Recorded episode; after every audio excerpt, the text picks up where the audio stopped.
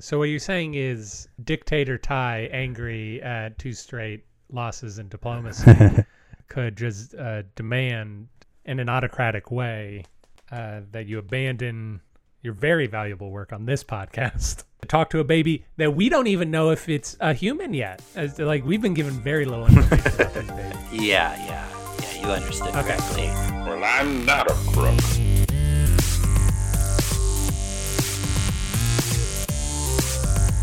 But because they are hard. Welcome to Presidential Deathmatch, the only presidential debates that matter. Today's headlines Where was Joe Biden July 2nd, 1881? Buy yourself out of civic duty and frickin' rhinos.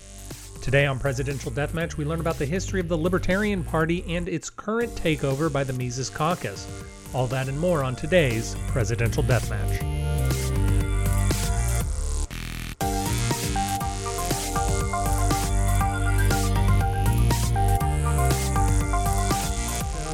This is going to be actually. I'm just going to start with the narration that I planned. Oh. So there we go.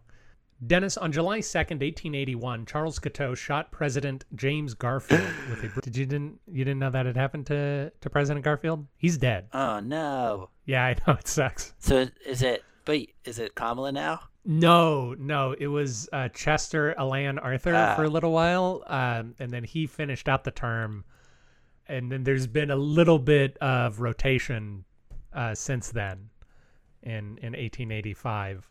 Uh, so currently we're at Joseph Robinette Biden Jr., uh, who might have been present on that train platform July 2nd, 1881. We don't know. Him and Al Gore were swapping moderate Yeah. democratic theory.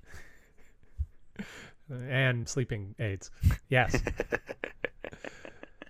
Charles Guiteau shot President Garfield, and upon being asked why he did it, he said, I am a stalwart among stalwarts. Dennis, what did Mr. Guiteau mean by that statement? He uh, stalwart was one of two branches of the Republican Party at the time. Is that accurate? That is correct. Nice. Yeah, no, then, and yeah, and that is what we are here to talk about.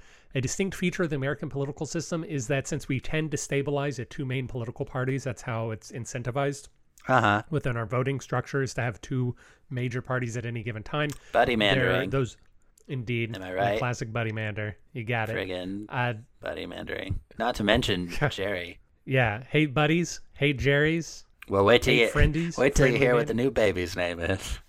Oh boy. I'm still holding out hope on Allegro buddy. Allegro half note. Buddy. So uh, there have always been factions, and you are correct. Charles Guiteau was a member of the stalwart faction as opposed to the half breed Ah. faction. That was the other one. The friggin' rhinos. yeah, totally. Basically what they Jay, were. uh, President Garfield didn't have the stones to be a rhino, and he was just a neutral party. but uh, but Guiteau believed that Vice President Arthur was a stalwart like him, and that he'd be rewarded. And uh, over the course of American history, we've had a lot of silly names for factions: the stalwarts, the mugwumps, half-breeds, half-bloods, civil rights, Rockefeller Republicans, Tea parties, progressive wing, etc. Uh, political parties are not made up of people who absolutely all agree with everything, but rather loosely affiliated people with similar values, and they still fight over what to prioritize within those similar values. All right. Single issue voter on one end of the spectrum, and then Mhm. like kind of complex ideology on the other end. I feel like it's kind of like they fall along that spectrum somewhere. Yeah, yeah. They basically they say you are more like us than the other guys, so we need to get together Yeah. to beat these damn mermies over here, and we're gonna do that. And and factions have always battled for recognition and trade-offs of president and governor, senator through the revision of the party platform. That's another important aspect of the party is can these factions get their priorities onto the party platform? All right. Yeah. We got ourselves So- a backstory. Oh, bum, bum, bum. You are correct, sir. Today we are going to take a look at the Libertarian Party. We're going to look at the history of the Libertarian Party. We're going to look at a couple of key presidential candidates, including the first and most recent presidential candidate. And we are going to look at how and why a group known as the Mises Caucus formally took over the Libertarian Party in May of this year by successfully taking most of the state chairs and the national chair and making small but important changes to the Libertarian Party platform. because they were sick of it being They were sick of it being Uses caucus. Yeah, they said, nah, nah, nah, nah, uses no more. It's Mises now, buddy. They were talking to Craig at the time. Dennis, as you know, Do you need to get the we door? decided. No, I do not need to get the door. It's a it's an exterminator who wants to sell me ant treatment. I blame the as- libs. Believe me, I blame them as frequently as I can. but uh, last week we we had originally wanted to talk about today's topic along with how national parties are structured. We decided that was too much. As it turns out, today's planned episode was also too much, so it's now going to be a three-parter. Ugh. We're going to talk about the history of the Libertarian Party this week, and next week we are going to talk about uh, the basically the soul of the Libertarian Party, Gary Johnson versus Ron Paul. We're going to touch on that a little bit today, but we're going to do it in a much bigger way next week. So I hope you're ready for that. You betcha. Well, it's easier for me to be ready for these ones. that is true. Although I'm going to talk to you about uh, think about whether you want to argue for one of them. Ron Paul. Because now that we've yeah we've boiled it down to Ron Paul and Gary Johnson, so you could say these should be the Libertarians. But let's ignore that for the time being, and let's focus on the Mises Caucus and how they got to take over the Libertarian Party. So the Mises Caucus says that they are bringing libertarianism back to its roots and will energize a new generation for the party through bold and uncompromising action and messaging. Whereas their detractors say they will shrink the party through amateur dramatics and say they are primarily about appealing to the ascendant populace activated by Donald Trump and edgelording online. Do you know what that phrase edgelording means? Edge lording. I could mm-hmm. take a guess. It's. Please it do. seems like trying to get ahead of public discourse on the extremes of a debate of a debate so that you can become the loudest voice and then develop a following accordingly. And you're real good at this, Dennis. That is essentially the definition. Ah. Absolutely. It is a person who takes extreme positions for attention. Yeah. A troll. Boom, boom. Except you are at the organizational level. No, no. Usually at the individual level, it's Oh, okay. a very much an online. They this is um this is very derogatory. What what has been said about them? He's basically saying they're a bunch of children online who are just begging for attention. And by he, I mean Justin Amash, who is the man who used that phrase. But we'll also talk about Justin Amash a little bit later. But before we do that, Dennis, Uh-oh. let's go to retractions. Retractions. It's everybody's favorite time of the day. Retractions, retractions, get them however, whichever way. You're right. Spoken like a true libertarian. What are you, a minarchist, an anarcho-capitalist? Tell me, are you part of the Pragmatic Caucus, the Mises Caucus? Who are you, Dennis? Define yourself. Well, I was part of the Uses caucus, Mm, they're dead now. but now they're Murdered. dead. So now I'm These hands. I'm looking for a word that means that I I'm free from the libertarians. I'm thinking the lib the lib liber the libers Mm, mm. the libby You're, you're a sheep. The lib libs. You're a sheeple. Yeah. So, Dennis, uh, uh, last week a buddy was born. Unto us a buddy was given. Yeah. And everyone, by which I mean me and my cat, are wanting to know is there any new information about this baby? Yes. That's Well, what people are here for. as we we're talking about sheep, he uh Uh-huh. he he might be found in sheep's clothing. Oh no, he's a wolf. Yeah. Oh my gosh. His name is Zev, Zev. which is pretty That's cool. groovy. Yeah, that is cool name. Um, which and it's uh yeah. I then I looked on Wikipedia at all the Zevs. It's kind of a Hebrew name or something of the ilk. Yeah. and uh, it means wolf. Ooh. Zev, I think, is the Well OG. done. Yeah, and then the middle name is Aleph, Aleph, Okay. which yeah. which is like alpha, so it means A. awesome. Um, ZA. Nice. Well done. and it also is a symbol that represents humility because Oh wow. in the Torah they start with B because they, I think, ignore vowels a lot. So That's true. So a lot of meaning packed into this baby name. yes, that's that's Tyler's. Uh, what's the word I'm looking for? Raison d'etre. Yeah, that's his MO. modus operandi. Yeah, Okay. that as well. Because that's pretty intense. packing, packing as much meaning into things. Yeah, Alright, that makes possible. sense. I wanted to briefly touch on you. You mentioned that last week was episode 32 of the current season, which is a lot of episodes. Yes. Today we're on episode 33. Next week we're going to be on 34. And we're still just really covering the one topic of the Mises Caucus and why I'm obsessed with it. but uh, but I just wanted to touch on to say that at the beginning of this season, it turns out a lot more people have wanted to be president than have actually gotten to be president. And so while there are only 45 people to choose from for our first two seasons to be president, there are around 160 or so Right. who- that contended for it. And we decided that we were just going to stay in this season until we got bored of it, which so far I'm not. Yeah. We haven't even talked about Winfield Scott Hancock. Well, we have, but we haven't. Right. We haven't done our due diligence Yeah. on it. You know, we haven't we haven't discussed uh, John McCain, surprisingly, for as much as I like the man. He's going to come up in a not flattering way later on in this episode. Oh. Dennis, last week you started to talk about Al Gore and Vietnam, and then you said that you'd get into it later, and then you never did, and it sounded pretty interesting. So I wanted to to follow up. Oh. Yeah. So he went to Harvard, and I hadn't understood that Vietnam was only only poor people getting drafted in a in a lot Yeah, you could buy yourself out of the draft. Very easy to not get it drafted. So in his class of 1100 from Harvard, he was one of 12 who Hmm. went to who actually did the draft. And so then he went to the base. I'm thinking like a politician, honestly, because he was thinking about his future, He- his long term future instead of his short term future. Exactly. He did it because his dad was running for office, and his dad put him in a bunch of ads going off with him telling his son to go off to war, which is a insanity. Yeah. Uh, and then you know he gets to the base, and they're like, "What do we do with this nerd?" So they made him a journalist. so then he went to Vietnam as a journalist, and yeah, it, he was you know he was in college, so yeah, a lot of like his friends from college thought it was like really uncool that he went to war because like there, a lot of them were So protesters and stuff. Yeah, yeah, and then he got he got into journalism that way, kind of, and so I mean that's you know j- journalism obviously is a big part of who he is, even with the climate change stuff that he's been doing more recently. So that's kind of where that all came from.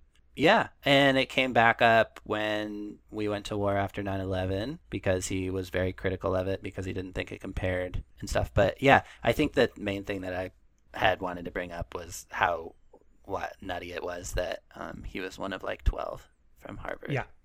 Do you know what also? Do you know much about the draft? How the Vietnam draft was done? No, I think this was this was definitely like it exposed a lot to me.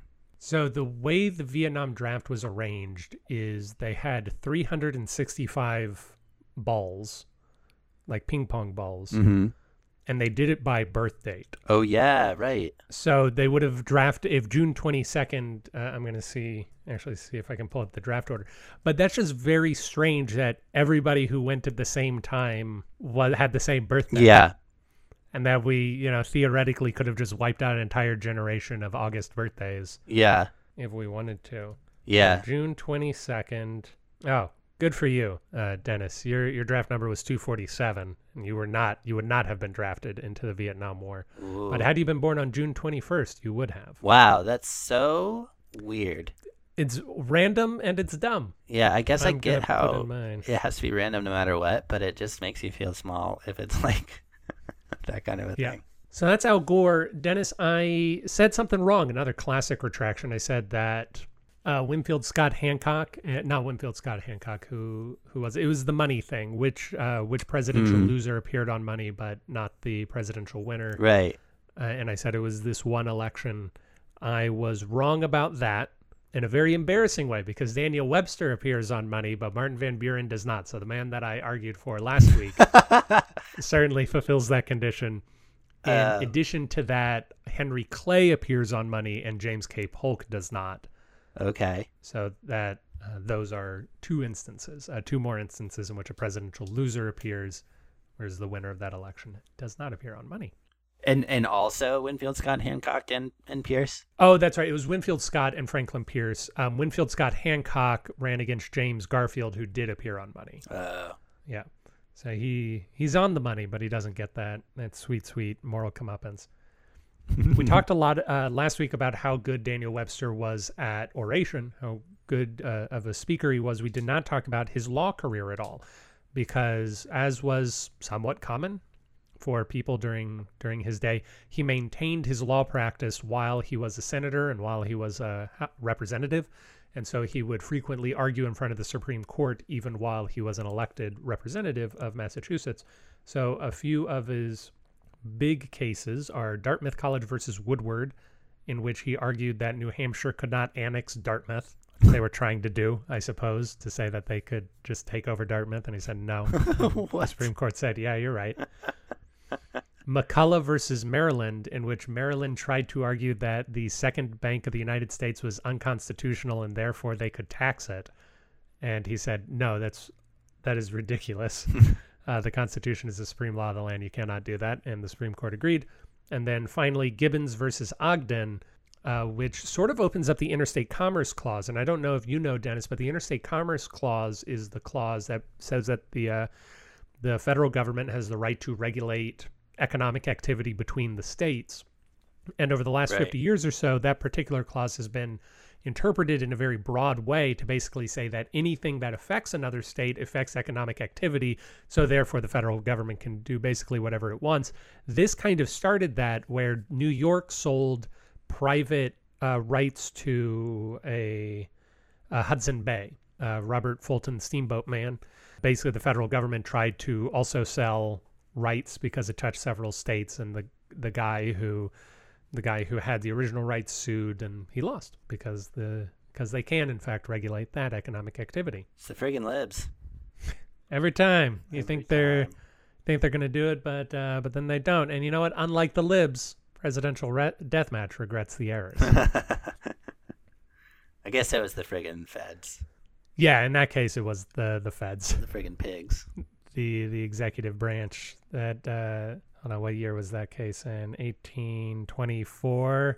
Gosh darn, James Monroe, with his piggy fingers reaching into the the poor man's pocket. If anyone was just a pawn for their party, it was Monroe. Era of good feelings, my ass.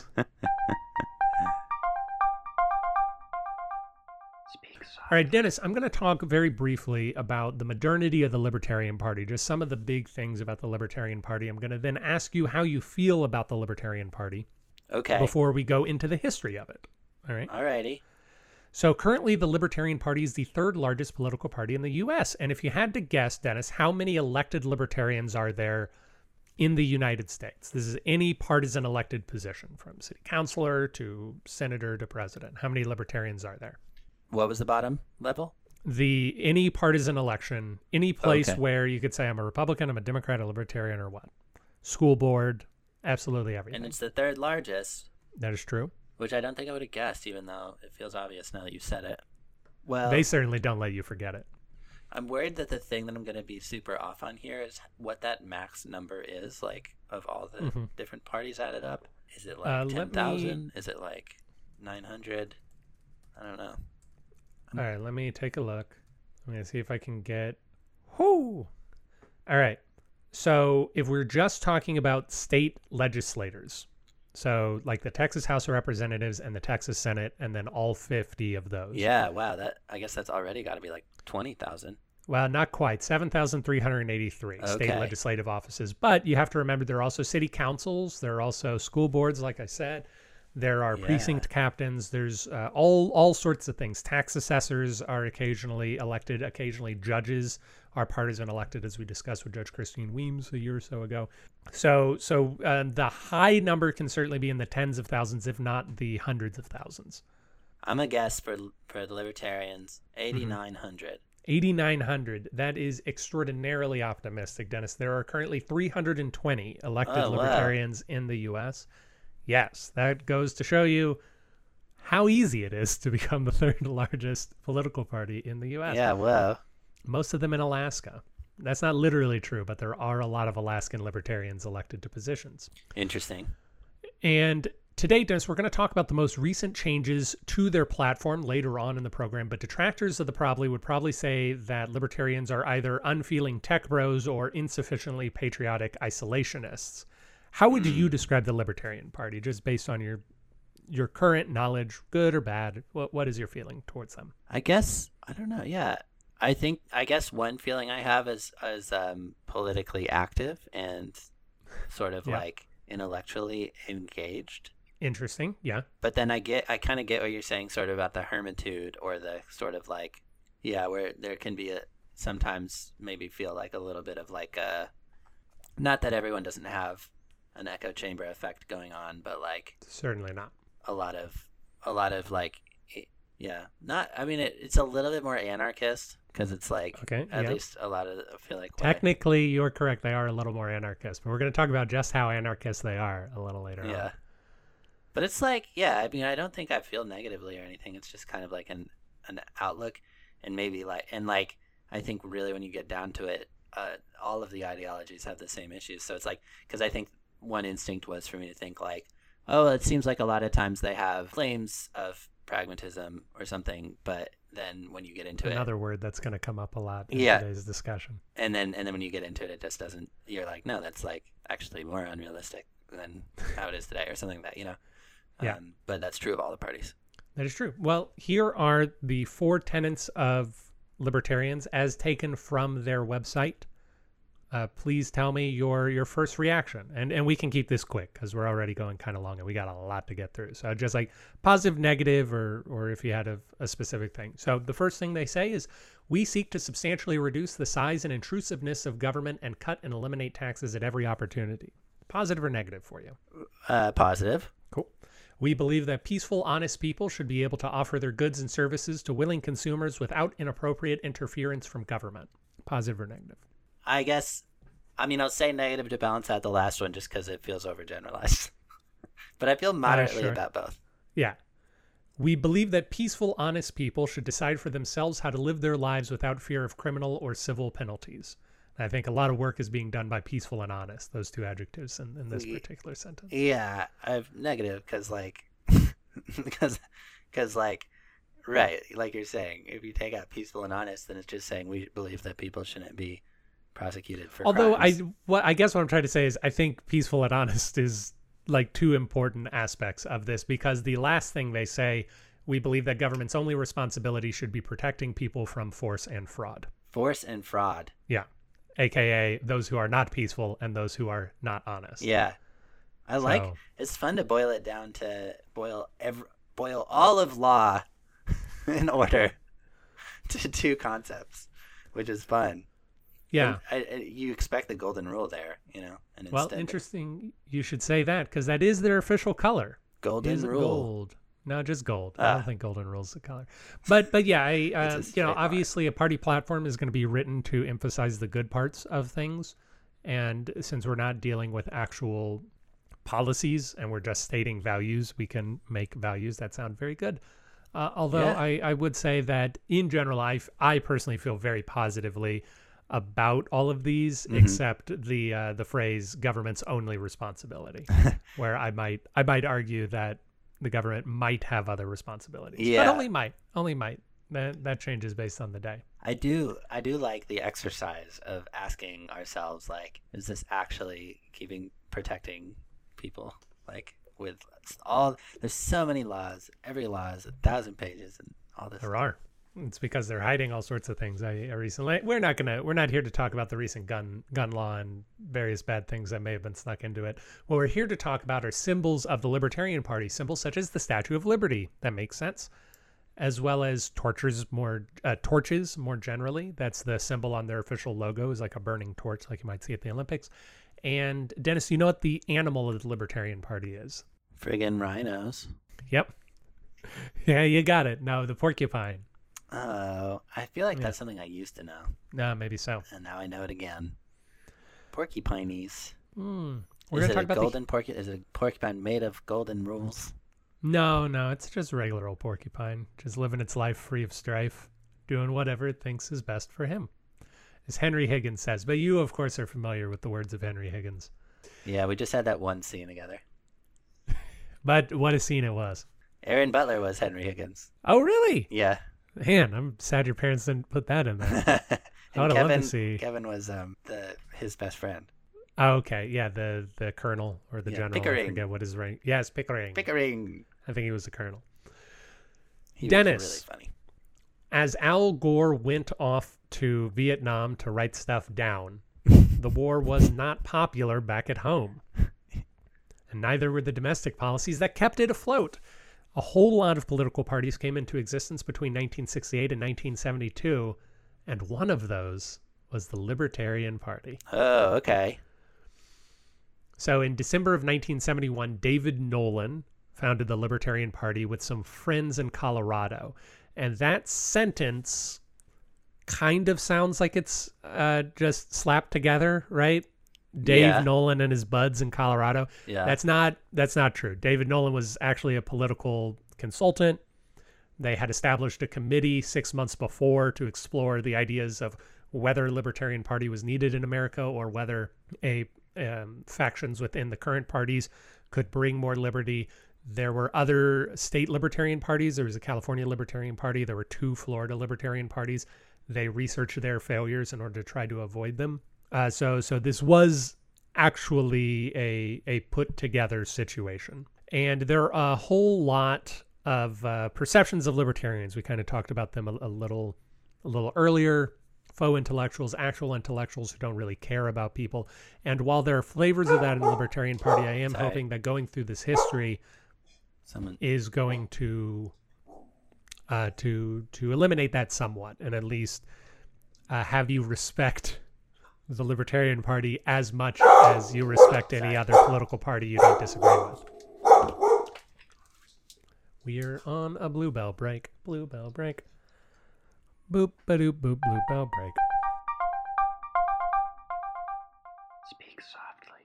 So their official start date is December 1971. Their first press conference is January 1972, which means this year is the 50th anniversary of the Libertarian Party. Happy birthday, Libertarians. 50th? Mm-hmm. Just like Texas Monthly.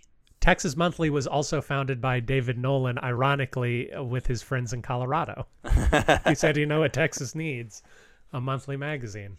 I was learning because of that too about the history of new journalism, and it's also got like a similar history. It's Oh, in, yeah? I guess a, a, a time of anti-establishment thinking. Oh, sure. Sort of a Hunter S. Thompson. No, that's yellow journalism. Well, maybe we'll have to talk about that later. In their first year, the Libertarians won a number of elections. The very first Libertarian who was elected was Miguel Gilson de Lemos of New York, Uh who won a city council seat or a city board seat, something like that. Miguel. David Nolan and his partner sought to found the Libertarian Party after what they felt were the ineffective and unconstitutional price controls Nixon put in place and the continuation of the Vietnam War, which, as I said, not a popular war. Yeah. So weird. And then, of course, uh, this is looking ahead. In order to evolve into his final libertarian form, David Nolan would complain in 2008 that the party had become too focused on winning elections. So, so that's how you know that your life cycle as a libertarian is complete, is by attacking the current Libertarian Party. Yes. So the Libertarians were founded right at the end of 1971. They didn't have their first meeting, their first big national meeting until 1972, but they did manage to field a presidential candidate that year, which is more than the Whigs did. And I believe the Whigs had three to six years, and they failed to to put forward one presidential candidate. The very first people who ran for president under under the Libertarian banner were philosophy professor John Hospers for president and radio television producer Tonie Nathan for vice president. And I wish that we had some more room to talk about John Hospers because he seems like a pretty interesting guy. But I, I've been looking him up for a few weeks and there's not a ton of information out there on him. He was friends with Ayn Rand, which is pretty rare because she really pushed everybody away, especially towards the end of her life. This is a very tricky situation. When he was nominated, John Hospers, the the people who nominated him thought he was gay. And a lot of people throughout history have said, yeah, John Hospers was gay. John Hospers' family has said, please stop saying that. He never came out to anybody, and as far as we know, he didn't consider himself gay. So, like, we would, we would appreciate if you if you just stopped. Well, that's weird. But then it was like it was part of why he had like like a following or why they liked him. No, I don't think so. I think it was just uh, something that they said to show how committed they were to their libertarian principles. We'd even nominate a gay man. Right. They wouldn't say it like that. He had a following because he was a political professor, and they were at the time a primarily political philosophy or philosophy professor. They were a philosophy focused group, as they uh, s- still are. Right. But I also think it's important to note that the very first nominees by the Libertarian Party was someone that they thought was gay as well as a woman. Tonie Nathan was a woman. yeah. Uh, and also, as it happens, a faithless elector named Roger MacBride cast his vote for that ticket, the Hospers Nathan ticket, instead of Nixon, which means that Tonie Nathan is the first woman in American history to get an electoral vote. Whoa. That is, to this day, the only electoral vote the Libertarian Party has ever received. Wow. That's wild. Yeah. So the libertarians have a lot of different factions. That's part of what we're here to talk about today. But a lot of them are based on what's called the philosophy of liberty. Dennis, have you ever heard of the philosophy of liberty? I don't I I don't think so outside of having heard all of those words. Okay, so I'm gonna uh, I'm gonna try to explain the philosophy of liberty very quickly, and it's going to probably turn a a philosophy that I don't fully agree with into something that sounds like gibberish, because I'm not overwhelmingly familiar with it, and I'm explaining it quickly. If you have any questions, we we can try to tackle them. But I just want to say, if you're interested, if you're listening and you're interested, just look up the philosophy of liberty there, there's a lot more to it. But the philosophy of liberty is basically the idea, the fundamental idea that you, Dennis, own your body. Okay, Mhm. you you actually possess your body is in your possession, uh, and in owning your body, having possession over your body, you own your present, by which we mean your freedom. Uh, no one else can can uh, take you, take your body and put it in a box somewhere. It's not their body to possess; it's your body to possess. You own your future, by which we mean your life. So it is inappropriate for anyone to kill you and rob you of your future, because again, your body is your possession. And you also own your past, by which we mean your possessions. Ah. The value that you have accrued over over time has has ended with you owning other property besides just your body. These can be seen as an extension of your body XP. because yeah because exactly because you have put value into the world and gotten things out of it and therefore the philosophy of liberty which says you own your body you own your past your present and your future would say that broadly speaking it is immoral to steal to imprison or to kill because all of those things are tantamount to taking possession of someone else's body and so outside of a person directly trying to do that to you you should not do that to somebody else Yeah.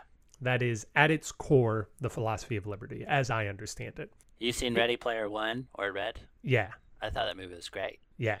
What makes me think of that because you have your your body and your coins Oh, yes, yes, yes. in the game. hmm But Yeah, that definitely sounds like definitely. a very libertarian sort of world. Not Yeah. really. It's an autocratic world because Yeah. the one man invented it and Yeah. he ruthlessly controls it. And then even at the end of the movie, it just becomes an oligopoly. Yeah. Yeah. Mm.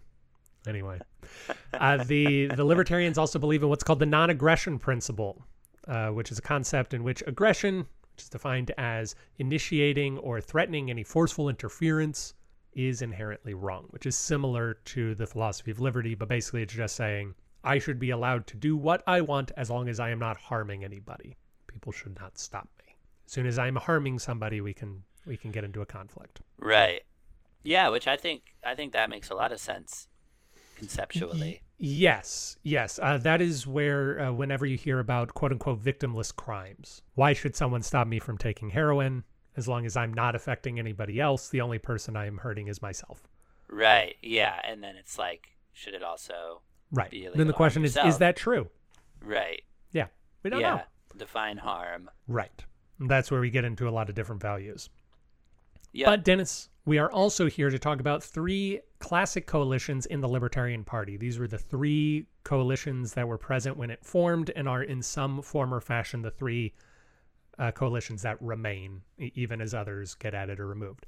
So number one are anarcho-capitalists. Here's your anarchy for you. Ah. So anarcho-capitalists basically say we want to abolish the state and replace it by capitalistic forces which regulate the world. I'm going to read directly. Anarcho-capitalists' opposition to the state is reflected in their goal of keeping but privatizing all functions of the state. They see capitalism and the free market as the basis for a free and prosperous society. Murray Rothbard, who is credited with coining the term anarcho-capitalism, stated that the difference between free market capitalism and state capitalism is the difference between peaceful voluntary exchange and a collusive partnership between business and government that uses coercion to subvert the free market. Whoa, that is uh, super intense. Yeah, yeah, yeah. uh, when you talk to anarcho-capitalists, the the metaphor they're always going to come back to is that the government is pointing a gun at your head. That all the government can do is use coercive force. If At you the end of the day. yeah, if you refuse, um, so for instance, if you Dennis are are break a law, right? Let's say Austin doesn't like you selling fruit on the side of the street. uh, and cops come and try to stop you from selling fruit on the side of the street, and you resist, the only possible solutions are either at some point you stop resisting, they give up, or they kill you. And if they give up, uh, then it's not really a law, right? At that point, if you can just get away with it by resisting long enough, then it's not a law. It's just a, Mm-hmm. it's just a thing that we test people on. And by kill you, I mean any form of aggression. This is how they view the world. Right. And then Government, yeah, and and and then I guess it's a question of like, do we want do we want to have a really heavily controlled and centralized system of rules around who's allowed to use force? yes, exactly. Because other people would say, especially in the wake of uh, the George Floyd protests, as well as further protests, that the government has a monopoly on violence. Right. is another term you hear a lot. So those are the anarcho-capitalists. Then there are the minarchists, which is a word that they use constantly, and I don't understand it. I'm sure it has a strong etymological background, but I don't I, like. I know what it is, but I don't see how we got there. But basically, minarchists are the um, uh, up at the top when the libertarian platform said the only role of the government is to protect people from force or fraud. That's a minarchist or what they call a night watchman state. It's a model of a state that is limited and minimal, whose functions depend on libertarian theory as an enforcer of the non aggression principle pri- by providing citizens with the military, police, and courts, protecting them from aggression, theft, breach of contract, fraud, and enforcing property laws. So basically, we say that the main goal of the government is to act as the big gun that keeps people in line, not in a totalitarian way, but in a uh, what what have they agreed to? Let's look at what everyone agreed to and let's make a ruling. That is Yeah. a minarchist. And then the final big faction of the libertarians is classical liberals, which is uh, if if I am a libertarian, which I am not, but if I am a libertarian, it is I am in the classical liberal camp. Uh, classical liberalism is a political ideology that advocates free market and laissez faire economics, civil liberties under rule of law with an emphasis on limited government, economic freedom, and political freedom. It was developed in the early 19th century by John Locke, but it is it is the idea of tolerance, basically tolerance, and and to a certain extent, again, the idea of being free from unnecessary government action. The phrase that they would use a lot is free trade and world peace Mm. or as the Reason, Reason magazine, which is a libertarian leaning magazine that uh, I use quite a lot for research today, free minds, free markets. That's their tagline. Interesting. So, as you might imagine, Dennis, the classical liberals, the minarchists, and the anarcho capitalists wouldn't always get along. The anarcho capitalists don't believe a state should exist at all, whereas the minarchists believe that a state should exist and they should primarily exist to protect people. So, Yeah. how do these guys get together? It's with a thing called the Dallas Accords. In the 1970 in 1974, they adopted uh, the Dallas Accords, which basically said that libertarians will never say whether a state should exist. Uh, we will Ah. not we will not make a definitive comment on whether government is in and of itself something that we ought to strive for, but we will instead say things in terms of if a government exists, practically speaking, this is what is moral or what is right to do. So it they're so they're like committed to pleading the fifth on Right. anarchy. Yes, exactly. And they basically said once we once we achieve the minarchist position, then we will start arguing over whether anarchy is acceptable or not. But first we got to shrink the government and then once we shrink it, we can decide whether to destroy it. Yeah. During the 2006 Libertarian National Convention, the party platform was almost completely rewritten, and the following phrase was inserted Government exists to protect the rights of every individual, including life, liberty, and property. This was described as the Portland Massacre by anarchists, and because of that action, uh, anarchists have been slowly leaving the Libertarian Party. I see. This was in 06. 06, yes. Sort of like a natural fallout of it developing more and more as a party, you think? I think so. I think also at a certain point, in order to attract people, you have to not act like you're gonna one-two punch them with anarchism. Yeah. You know, this is also right around the time of the Iraq War, and although the Iraq War is very unpopular now and was unpopular in 2006, it was It still had a nationalizing effect. exactly. You didn't want to say that you were stateless. Yeah. So that is the the the rough balance of the Libertarian Party over the last 20 or so years. In 1980, the LP did what no other third party had ever done. Dennis, what do you think it was? No third party had ever done. Was it like all 50 states? You are ballot? correct. They qualified for the ballot on all 50 states plus Washington, D.C. To be fair, in 1916, the Socialist Party qualified for the 48 states that existed at the time. Oh, the But the lib- socialists? hmm in 1916. But in 1980, the Libertarian Party got on ballots on all 50 states plus DC. That ticket was Ed Clark and David Koch. Koch, K O C H? Yep, of the Koch brothers. He is one of the Koch brothers. Wow. Yeah, that Crazy. was at the time up until 2012. Gary Johnson, the 1980 ticket was the most successful presidential ticket of the Libertarian Party's existence, just shy of a million votes and about one percent, 1.1 percent of the popular vote. So the the Libertarian Party kind of is pro big business in being so laissez faire. Uh, it depends on what you mean by pro big business. They are certainly not about regulating businesses too much. Some there's a lot of diversity of thought, so there are plenty of libertarians who would say that large corporations can't. Uh, you cannot incentivize a large corporation to care about the environment. Therefore, environmental regulation is a now a necessary part of of doing business just because of main like that is harm there are some libertarians who would say that, uh, which which is is that, but but yeah, they're certainly pro business and they're pro industry, Yeah.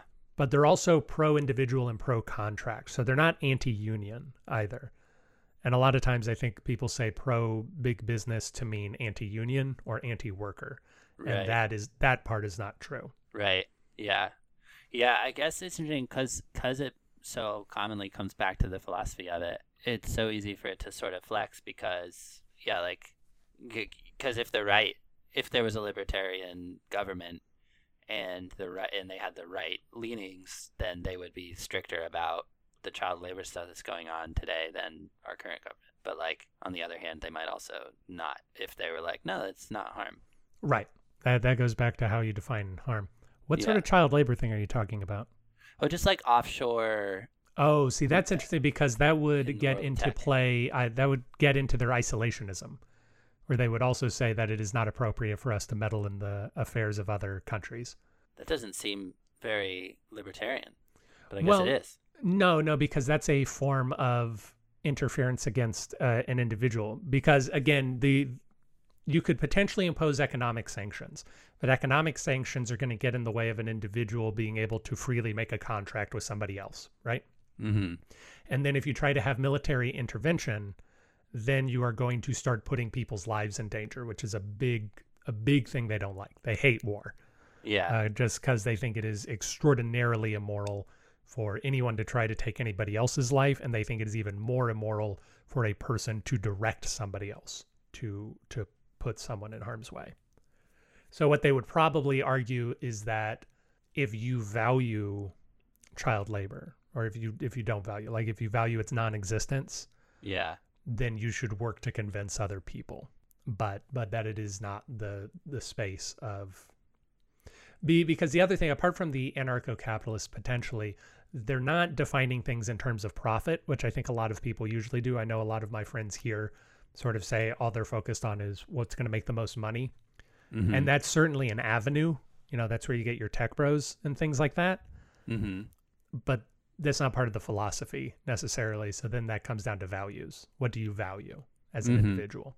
Anyhow, that is a that is a short diversion. So in 1980, Ed Clark was what was uh, regarded as a centrist libertarian. And they didn't like that. They wanted a more radical libertarian. So in 1984, they nominated a guy named David Bergland. We're not going to spend a lot of time on him except to say that moderates walked out of the convention when David Bergland kept getting votes. They said, "We're we're done with this ticket. He is too extreme for us." Then in 1988, a man named Ron Paul runs. At the time, Ron Paul had just switched his party affiliation from Republican to Libertarian, and he Okay. a couple years later he'd go back to being a Republican for a long time. And a lot of people felt that Ron Paul was too conservative. So again, we we've gone from we have gone past centrism and we've gone straight into conservatism, and we don't like that. And we just keep trading back and forth. People that we feel are too radical, people that we think are too centrist or too conservative. Uh, you may remember, Dennis, you you were talking about Michael Badnarik a couple of months ago, and Yeah. famously, yeah, refused to get a driver's license because he thought it was an abridgment of his freedoms for the government to tell him whether or not he was allowed to operate a motor vehicle. Mhm. So all of this going back and forth, and all of these relatively low vote totals uh, in the hundreds of thousands, if that, happened until the 2012 nomination of Gary Johnson. So, Dennis, at this point in time, it's 2012. You and I know each other. You're a college student. Do you remember anything about the 2012 election, specifically in regards to Gary Johnson? No. Cool. So, in 2012, Gary Johnson, for the first time in Libertarian Party history, got over 1 million votes. More than any other person ever. More than any other third party candidate since Ralph Nader as well. Big success. Wow. So, so much of a success that they renominate Gary Johnson in 2016, and the team of Gary Johnson and Bill Weld brought in four and a half million votes. So four times as many as it got in 2012, yeah. Wow. and over three percent of the population, making him the most successful third-party candidate since Ross Perot in 1992. I think uh, I don't remember how many votes Ross Perot got in 1996. Cause for celebration, right? We nominated Yeah. a guy, he got a lot of votes. We nominated him, again, he got even more votes. But while Gary Johnson is bringing unprecedented success to the Libertarian Party, as bolstered by then chairman Nicholas Sarwark, Libertarians begin decrying his campaign and disavowing him, Gary Johnson and Nicholas Sarwark, the, the chair of the committee. In 2020, the candidacy of Jo Jorgensen and Spike Cohen did worse than 2016, but better than 2012. So they also got more than a million votes. They got about 1.3% of the national vote total. Uh, I think it was one and a half million votes is, is how many Jo Jorgensen got. But libertarian activists online called the campaign and the candidate an embarrassment. They said it is embarrassing that she was representing the Libertarian Party. So, why did libertarians, Dennis, get the knives out for the people who caused them to do the best that they've ever done? And what did they plan to do about it? It seems like the sort of thing that you could foresee for sure if Mhm. they're sort of well. So earlier we talked about edge lording, and you could see a similar sort of thing happening where someone takes maybe recognizes maybe some extremes that have started to be associated with the Libertarian Party, and then just capitalizes on those. Mm-hmm. Although in this case, what we're going to find is that those two candidates, Gary Johnson and Jo Jorgensen, were seen as being too centrist. Uh, so it was the party that was changing, not the not the people who were getting the votes.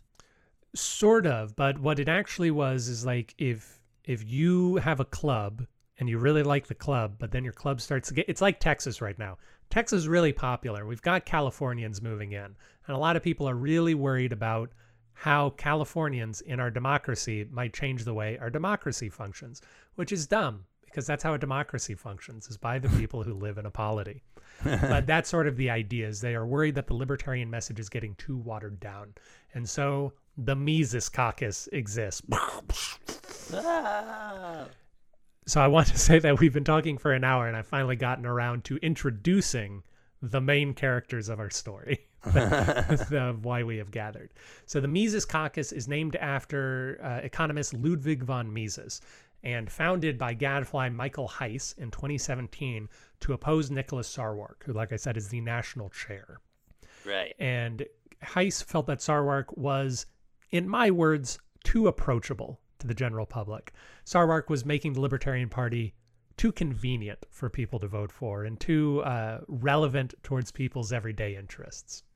Yeah, that's a classic Yeah. situation. Uh, so, in case it isn't clear, I'm not a fan of the Mises Caucus. As I've said, I'm not a libertarian. But uh, Nicholas Sarwark, the former chair, is the single person most responsible for getting me interested in the Libertarian Party as a party. Uh, Uh-huh. like, I found him an adult. He was responsible. He was articulate. He could explain what the message of the Libertarian Party was, say why it mattered, and say this is why we are a good alternative to the to the two people that you have voting currently. Uh, overall, he is a pragmatic, results-oriented person, and I Uh-huh, uh. appreciate that myself. No longer. Hmm, no, no, no. So the Mises Caucus wanted to return to the 90s paleo libertarianism strategy that a man named Murray Rothbard, who's come up uh, before in today's episode, uh, developed. As described by Lew Rockwell, the motivation of the paleo libertarian movement, in contrast with the modal libertarian movement, is the application of the libertarian principles in ways that lead to the radicalization of the middle classes against the state. Very similar to, to a lot of ideas behind socialist revolution. We want to provoke with these exciting ideas and get you to turn on your government. It is paleo libertarianism. And it, yeah, it's a, it's a surprisingly conscious, I feel like, verbalization of I think what people can accidentally do a lot, which is get so obsessive about being an, uh, anti-establishment or like just against the mainstream that like that they for that they don't actually stand for anything. right. Yeah. Yeah. and it's funny to hear someone be like, "No, no, like our whole thing is being against the mainstream no matter what." Yeah, yeah. And you're starting to get mainstream, so you got to kill it. It's got to go. So yeah, so basically Nicholas Sar you you put it right on the head. Nicholas Sarwark is leading the Libertarian Party into something that is going to become mainstream and that's not what we want. We want to be a radical organization that attacks the state. Mm-hmm. Mises Caucus founded in 2017. In 2018, Nicholas Sarwark wins an unprecedented third term as chair of the Libertarian Party against a Mises-backed insurgent campaign. Now, what I'm about to read is from Reason Magazine. It's written by Matt Welch and is a description of what happened at the final debate at their national convention that year in 2018. Matt Welch writes, In doing so, the nation's third largest, this is in regards to re-electing Sarwark, the nation's third largest political party swatted down what was supposed to be the most contentious challenge at its biennial national convention to a leadership that was considered by various critics to be too operationally incremental, too ideologically tepid, and too, in the words of Ludwig von Mises Institute senior fellow and popular podcaster Tom Woods, SJW friendly. Hmm. Boy, howdy. Matt Welch continues. Sarwark told me Tuesday afternoon if your campaign is seen or has themes of trying to kick people out, of trying to attack people like Governor Weld or basically anyone, if your campaign was seen as trying to drive people out of the party, the delegates soundly rejected that. And I think that is the biggest takeaway from the convention. Matt Welch goes on to describe the debate in which Sarwark wins against his opponent. A delegate in the audience shouted out, What do you think about Bill Weld? Weld heckling was a sporadic feature throughout the three day event. Welch adds parenthetically. Smith decided to make that his question.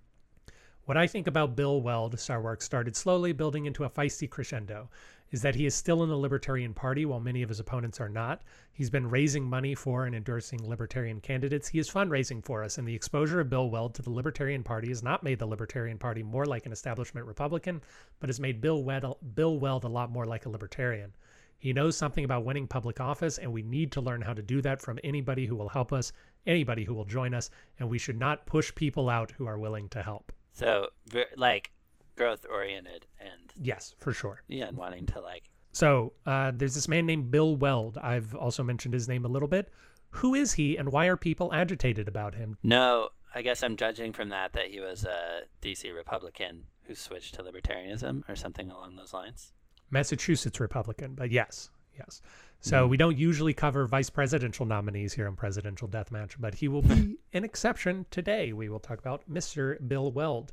Born in 1945, Bill Weld worked in the Republican Party and served as Massachusetts governor from 1991 to 1997. At the end of his term, he ran for and lost to John Kerry for John Kerry's Senate seat. He also lost an ambassadorship to Mexico due to partisan procedural hackamamie.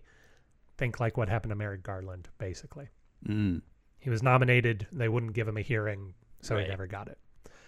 Bill Weld's a pretty cool guy. We're not going to go over his successes right now, but uh, suffice to say, I think he was a really solid governor for Massachusetts, sort of in the Mitt Romney, Charlie Baker mold, where if you're a Republican in Massachusetts, you gotta you gotta give a whole lot, but you also keep a tight lid on expenditures, so everybody ends up doing pretty well.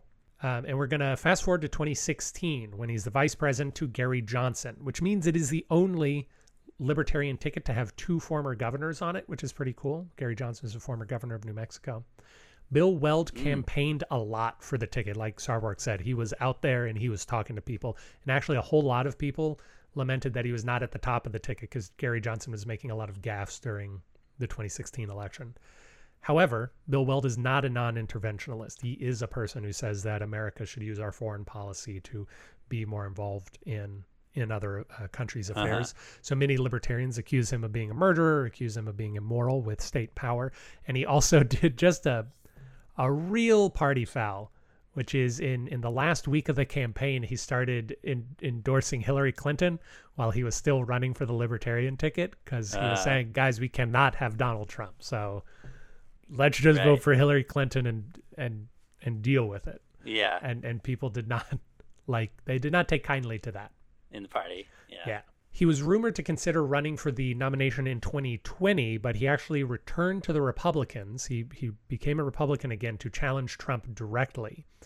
Uh, he did lose, as you may know, Dennis. Uh, Donald Trump was renominated by the Republican Party, although he ultimately lost that election. Uh, however, Bill Weld did win a delegate, uh, which is fairly impressive uh, against an Yeah. incumbent president. Uh, what I was reading is the last person to do that prior to Bill Weld was Pat Buchanan in 1992. Pat Buchanan. And after he lost to Trump, he endorsed Joe Biden Uh huh. for president. So again, he's not winning a lot of favors from the libertarians. Yeah, because he got very anti-Trump. Yeah, yeah, yeah. He, he went full tilt, as they say in poker. So Michael Heise, who again was the founder of the Mises Caucus, felt that Weld betrayed the LP and that Gary Johnson was a milquetoast candidate and that Nicholas Sarwark was too measured to lead the party. The Libertarians disagreed in 2018. They voted back Nicholas Sarwark to a third term. But in 2022, that's that's this year, if you don't know, the Mises Caucus took control of the entire national party structure and most of the state parties. So, Dennis, what do you think could have happened between 2018 and 2022 to agitate libertarians? COVID. You are correct. It is COVID and a man named Joe Bishop Henchman, a name that I assume you have never heard of before. No, that was. I'm glad I got that one. It's kind of like saying Jesus when you're asked anything in church. Yeah, yeah. You're, you're likely to be correct. So, uh, so COVID, uh, both libertarians and Aaron's Garrett tended to oppose lockdowns. They looked skeptically towards mask mandates, and they were squirrely with vaccine mandates. But you know who wasn't, Dennis? Libertarian presidential nominee Jo Jorgensen. Although that's not exactly true. A lot of libertarians got frustrated with Jo Jorgensen's campaign because they felt that she had all of the weaknesses of Gary Johnson, but also uh, you know, she was also too woke and also too SJW friendly and also too involved in identity politics. I'm sure none of it has to do with the fact that the entire country was was wrestling with uh, a major racial event that happened in 2020 Mm-hmm. and that Jo Jorgensen was trying to respond to it. And I'm sure it also has nothing to do with the fact that Jo Jorgensen is a woman and women are, uh, in general, seen as more liberal, regardless of what their actual political policies are. And more evil. Yes, for sure. Uh, all women are evil. That is the official stance of presidential deathmatch, and that's one thing we won't be retracting. We probably will if we remember to do it. Uh, so the Mises Caucus accuses the pragmatist wing of the party, which Jo Jorgensen is a part of, of abandoning values in search of loosely held votes, votes that they, you may have now, but you don't win forever. So let's briefly talk about who Jo Jorgensen is, Dennis. She was born in 1957 in the appropriately named town of Libertyville, which I think is very funny. She went to Baylor and SMU before she worked at IBM. In 1996, she was actually the Libertarian vice presidential nominee. After she lost that race, she went to study industrial psychology. I don't know what that is at Clemson, and she now teaches at Clemson University. Her 2020 campaign did amazing by libertarian standards. Uh, and despite her being the only woman on the ballot, I didn't hear a whole bunch of people on Facebook saying that if I didn't vote for her, I was sexist and had a duty to vote for a woman for president if I was able to. Unlike 2016, it's weird how that happens, right, Dennis? So weird, Yeah. crazy. So in 2020, Nicholas Sarwark declines to run for a fourth term as chair, and instead, an ally named Joe Bishop Henchman announces his candidacy and he becomes the chair. Within a year, he resigns in one of the most ridiculous political stories I have ever heard of. So buckle Okay. in, Dennis. and then I want your reaction at the end. The Mises Caucus, despite not winning big in either 2018 or 2020, was still amassing power at the state level, including holding a significant number of seats in the New Hampshire State Party, although they did not, importantly, hold the state chair. So they had a lot of uh, seats in the New Hampshire Libertarian Party, but not the chair. The officer in charge of the Libertarian Party New Hampshire's social media page was a, a provocateur and he tweeted a number of uh, offensive and unhelpful things under the Libertarian Party banner, including John McCain's brain tumor saved more lives than Anthony Fauci.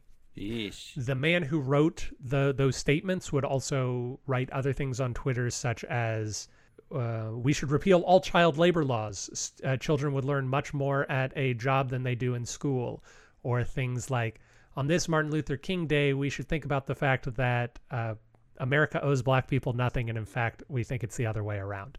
He's he's got a lot of extreme opinions. Let's Yeah, say that yeesh. and he's tweeting some of these things under the Libertarian Party banner. The current chair of the, the then current chair, the Libertarian Party New Hampshire, who is a woman named Jilletta Jarvis, says that this can't happen anymore.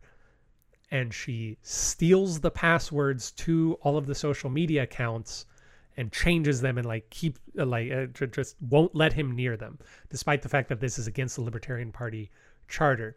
She then asks Joe uh, Bishop Henchman to allow her to create a new Libertarian Party of New Hampshire and to officially recognize that one as the actual affiliate and to disband the current one, the one that was democratically elected. Now, as you can imagine, that sounds a whole lot like a central authority abusing power Right, in order to get rid of individuals it doesn't like, which is kind of the whole thing that libertarians are against. So they found out that there were secret messages between Jarvis and the, the current chair, Bishop Henchman. And there was a major crisis of, of confidence when all the news came out. He ends up resigning. Jilletta Jarvis ends up resigning. A lot of people end up resigning and uh, a woman named Whitney Bilyeu, who's the the woman we talked about last week, who, who lives in Cyprus, ends up fulfilling the rest of his term. Reason reporting in 2021 during this event. The long influential Pragmatist Caucus associated with the two presidential campaigns of Gary Johnson has dissolved as a direct result of this event. And one of the party's few elected officials, DeKalb, Illinois City Clerk Sasha Cohen, resigned from the National Libertarian Party in protest, saying in an LNC Zoom meeting that we are a big tent party but no tent is big enough to hold racists and people of color, transphobes, and trans people, bigots, and their victims. A toxic culture has recently been harnessed in the service of grouping with the declared goal of taking over the party and making it as repulsive as possible to everyone except themselves. Bishop Henchman wrote in his resignation letter referring to the party's ascendant Mises Caucus, which for the past few years has been advertising its intentions to launch a takeover of the LP to re realign it more with the policy and messaging associated with Ron Paul and the Ludwig von Mises Institute. I will not chair a party that knowingly and has now affirmatively chosen to stay affiliated with the toxic garbage that was being spewed by the New Hampshire Party and similar bad actors in other states, the violent threats emanating from these people, and the deliberate destruction of the party's ability to appeal to voters and win elections. Thoughts on that, if any? It, sounds like very in line with how things are going these days. Yeah. Um, similar to a lot of the populist stuff that is swamping everybody, Yeah. really, uh, including uh, a lot of countries. So, the Mises Caucus uses this opportunity to sort of play the victim a little bit. Uh, and I, I should say, uh, just in the in- in being fair, the Mises Caucus rejects the idea that they are racist or that they are bigoted. They think that these are um, ginned up excuses of people who don't like the fact that they are less quote unquote embarrassed about being libertarian than than the people who are currently in charge. That is how they would position it. The controversy uh, of this uh, leads to state parties uh, gaining, the Mises Caucus gaining in state parties, and a sweep of national positions at the conference in Sparks, Nevada in May of this year. The Mises Caucus elected its first chairperson, Angela McArdle. She says that she doesn't want to make promises like a quote, scumbag politician. But as the Mises Caucus came and swept in, they made two important changes to the party platform. Number one, since 1974, abortion access has been in the libertarian platform as part of bodily autonomy for all people. It was removed entirely.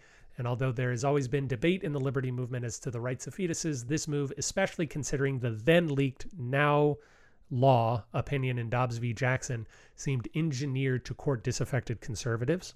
Similarly, the newly empowered Mises Caucus took out a long held plank condemning bigotry as morally repugnant with no place in society. That's what it said. It said, We, the Libertarian Party, think that bigotry is morally repugnant and has no place in a just society. That was, I believe, the, the anti bigotry plank.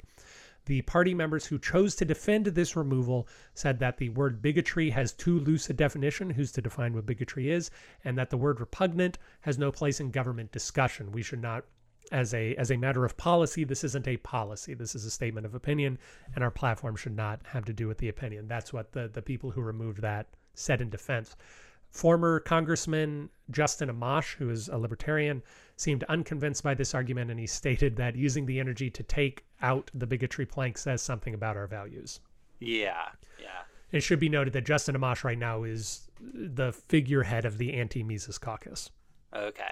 uh, that is where we stand now, Dennis. Although I've got a little bit more to talk about. Um, the Mises Caucus largely controls the Libertarian Party, which again is the third largest party in America. Although there are significant detractors in Justin Amash, Jo Jorgensen, Spike Cohen, and Nicholas Sarwark. The campaign for the 2024 nominee will be interesting to see if the caucus maintains its hold or loses a lot of hmm. votes because one of the one of the big arguments is that Gary Johnson was not a good candidate. He ran in 2016 and anybody who ran would have gotten tons of votes because people disliked mm-hmm. Trump and Clinton that much. And that if you had run a more libertarian candidate, he would have gotten even more votes. So mm-hmm. 2024 will be interested in that regard. Because ultimately, what this conversation is about is what is best for this party a firebrand who gets people excited but doesn't necessarily get a lot of votes, or a pragmatist who looks at the landscape and figures out what can be done. Which leads me into thinking next week, Dennis, we are going to talk about libertarians again, Ron Paul versus Gary Johnson. Yeah. Interesting. So would you say that libertarianism, in a word, is pro-suicide? No, Okay. no, I would like the political philosophy. Yeah, like I was. I, it seems like the harm not including. What Yeah, yeah. It it's certainly not anti-suicide, but I don't believe that it's going out there promoting suicide. Yeah, not anti-suicide. Yeah. Anti-anti-suicide. The libertarian way. When my dog went nuts earlier, it's because there was a package. Ooh, You want to see what it is? I, don't do want to see is. what it is. Uh oh, live I'll unboxing here. Can you get that packaging Oh. up to up to the microphone? Contact lenses. What in the new prescription? No, No. well. just was out. I think I am gonna get new glasses though. Oh yeah. Just uh, I've had the same ones for a long time, and they make my face really greasy. Mm, that's weird. Is that a common thing with glasses? My eye doctor said that she thought that sounded fairly normal. Okay. Well, before we sign off, Dennis, any any thoughts on the history of the libertarians, the Mises Caucus in general, or or any of the people we've discussed today? Um, it's interesting stuff.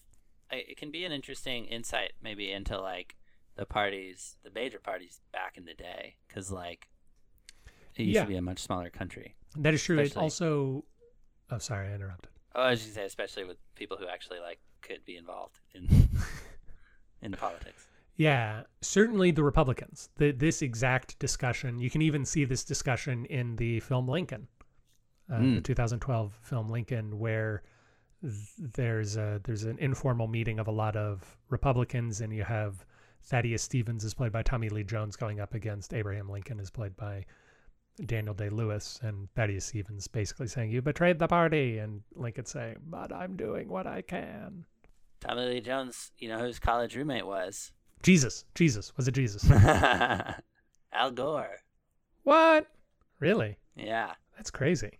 one Did they like each other? Texans in Hollywood. That's true, Um, as well as yeah. Wes Anderson. Yeah, Tommy Lee uh, campaigned for him. That makes sense. I'm glad. I'm glad it worked out. Yeah.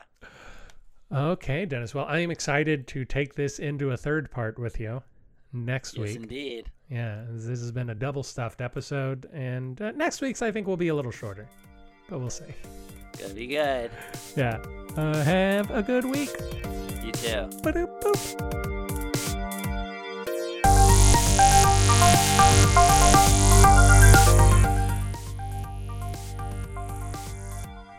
Thank you for listening to Presidential Deathmatch. Presidential Deathmatch is hosted by Aaron Garrett and Dennis Buddy and edited by Aaron Garrett. If you like the show, please consider giving us a review wherever it is. You can do that, we'd really appreciate it. If you didn't like listening to the show, well, why don't you come on back and give us another try? We really grow on you. If you want to reach out to us, you can do that at contact at pronoiatheater.com.